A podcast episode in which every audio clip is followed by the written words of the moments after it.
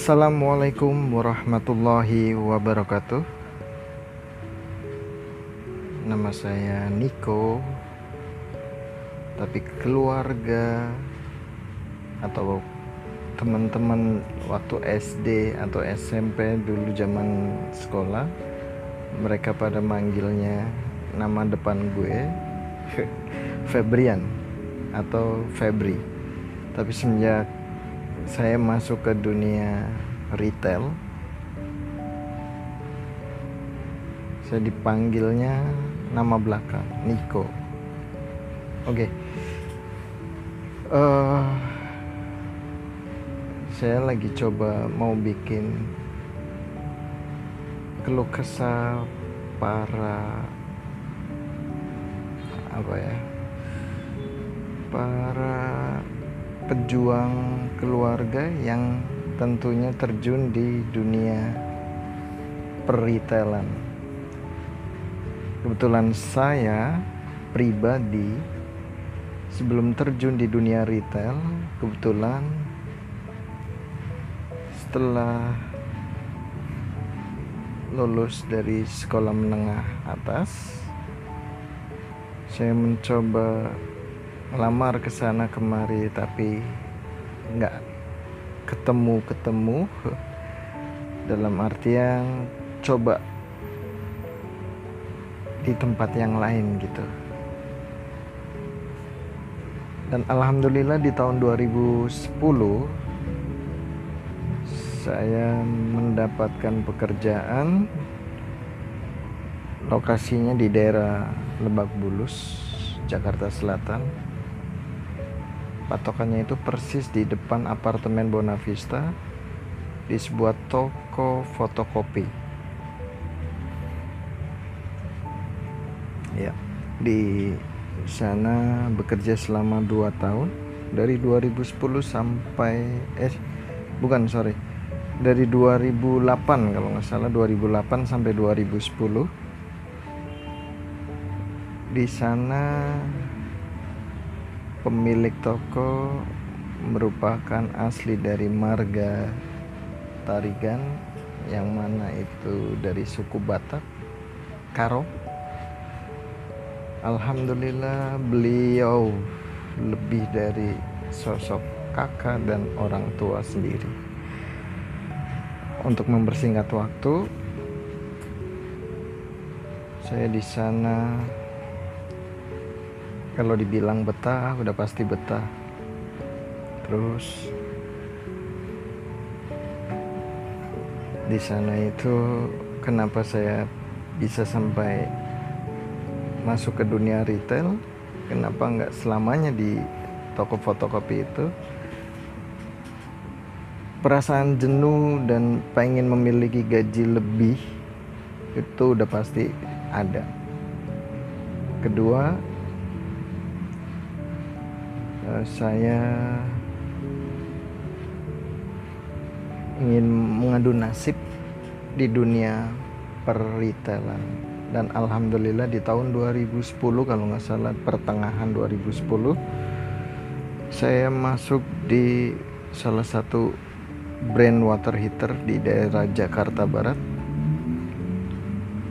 Saya bekerja di situ nggak ada satu tahun. Ya nggak ada nggak ada satu tahun. Di sana saya alhamdulillah di bulan pertama saya kerja itu saya tembus target 6 atau 4 unit dikasih target waktu itu. Saya tembus targetnya dikasih target 8 lagi di bulan kedua tembus lagi target 10 unit. Di bulan ketiga tembus lagi. Sampai kalau nggak salah seingat saya ya karena itu udah lumayan lama banget dari tahun 2010 itu itu saya uh, dapat reward berupa uang dan insentif berupa barang yang mana saat itu kulkas barangnya. Kulkas betul.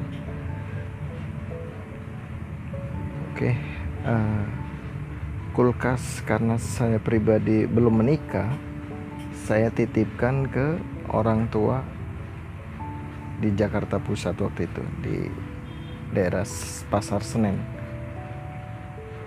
Oh ya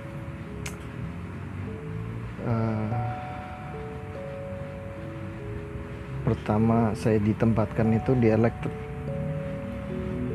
sorry mungkin sebut aja lah ya. Nggak apa-apa lah kayak oke. Okay. electronic solution Emporium Fluid Mall. Di sana saya mengawali pekerjaan saya sebagai sales. Bertemu teman baik pria maupun perempuan sangat-sangat banyak. Dan yang sampai sekarang kita komunikasi ada salah satu teman saya dua mungkin dua yang salah yang selalu nemenin saya waktu itu namanya Gunawan. Gunawan itu dari brand Hitachi salah satu staff dari Electronic Solution ada Muhammad Ali. Kalau nggak salah namanya Muhammad Ali. Tapi panggilannya Ali. Kita di bulan kedua kerja bareng di situ sepakat untuk mencari kosan terdekat dari tempat kerja berangkatlah kita mencari kosan terdekat dari lokasi pekerjaan ya. Uh, kita dapat kosan kalau nggak salah biaya sewanya itu 600 ribu. 600 atau 400 saya lupa dibagi tiga orang. Iya. Dan hmm, di sana saya cukup lama cukup lama dari saya bekerja di salah satu brand water heater yang tadi kantornya ada di Jakarta Barat sampai akhirnya saya diterima di perusahaan yang income-nya atau pendapatan gajinya itu lebih besar. Ah, Oke, okay. saya langsung ceritain saja, ceritain aja. Ini pengalaman saya di brand kedua setelah water heater. Saya bekerja awal diterima itu belum punya motor dan harus kirim barang pakai ojek lah atau naik angkot lah waktu itu terus mana ya? Sempat dikejar anjing juga. Terus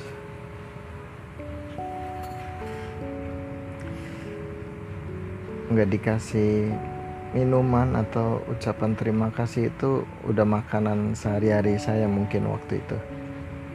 Sampai pada akhirnya saya menabung sedikit demi sedikit dan menghasilkan motor untuk nganter barang atau untuk bekerja pulang pergi sampai akhirnya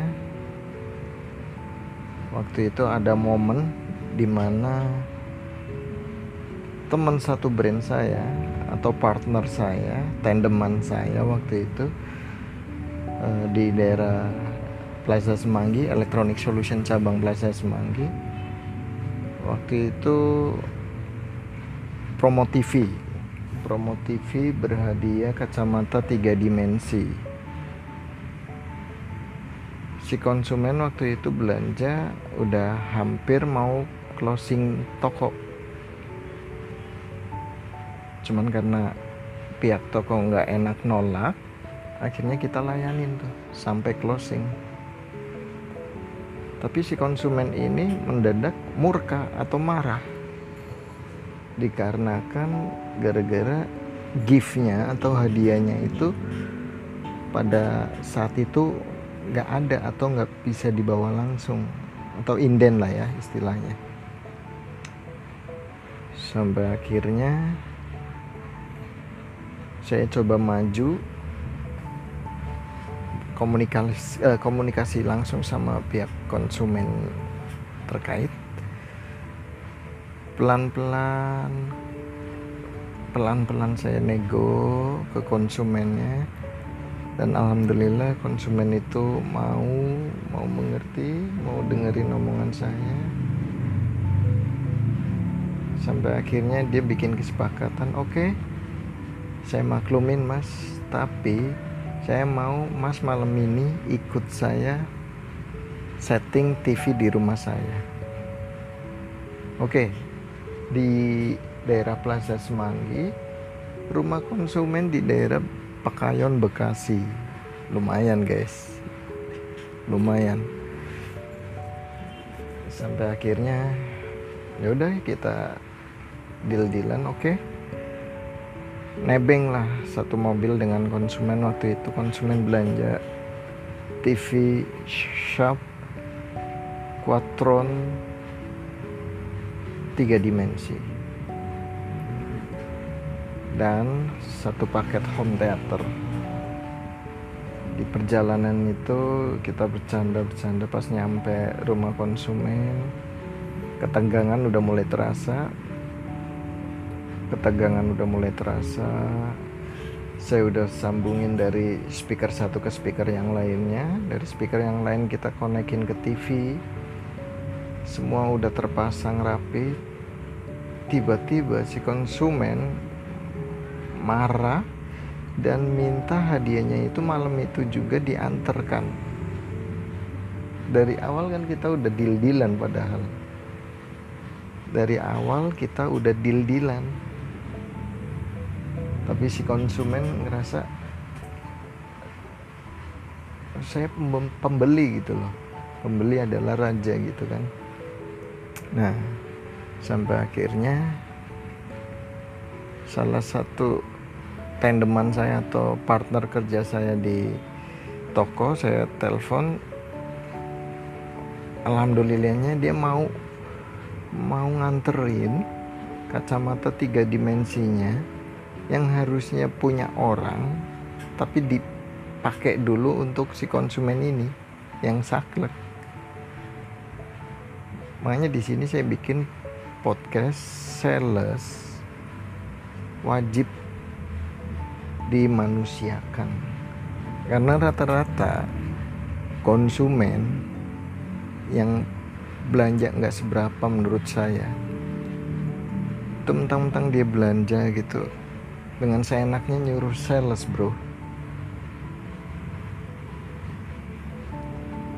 Oke nggak usah curhat ke mana-mana lanjut ke tadi. Akhirnya dari toko Plaza Semanggi teman saya nganterin kacamata tiga dimensi ke rumah konsumen berboncengan dengan teman yang lain menuju Pekayon Bekasi ke rumah konsumen. Dan di sana dia dimaki-maki bro. Boro-boro dikasih minum dikasih duduk atau masuk pun enggak malah langsung suruh pulang. Saya dan satu teman lagi yang bantuin yang ikut satu mobil ke rumah konsumen masih ditahan hmm, masih suruh ngajarin ini itu ini itu. Singkatnya unit sudah terpasang kacamata udah diajarin cara pakainya. Kita dibebas tugaskan dan beliau nanya Mas Niko ini pulang rencana naik apa? Ini udah malam banget. Ya paling taksi pak.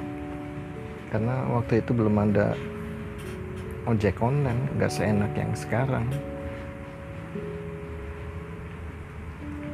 Uh, taksi ya? Udah gini aja mas. Mas ikut saya saya anterin pulang. Bayangin bro. Saya ikut anterin masnya sampai kerjaan. Kita nggak nyangka. Dan gue dianterin pulang bareng temen gue yang satu lagi tuh sampai akhirnya gue selamat. Bener-bener dianterin sampai rumah dan kalau nggak salah dikasih komisi 200 ribu waktu itu. Mungkin itu dulu pengalaman sales gue mungkin bagi yang lain yang mau berbagi cerita bisa kirim ceritanya ke email gue atau ke DM Instagram gue oke? Okay? itu aja jangan lupa like share komen dan subscribe. Bagi teman-teman pejuang sales yang lain kalau pengen berbagi cerita boleh share di email gue ya. Oke. Sekian itu aja. Selamat sore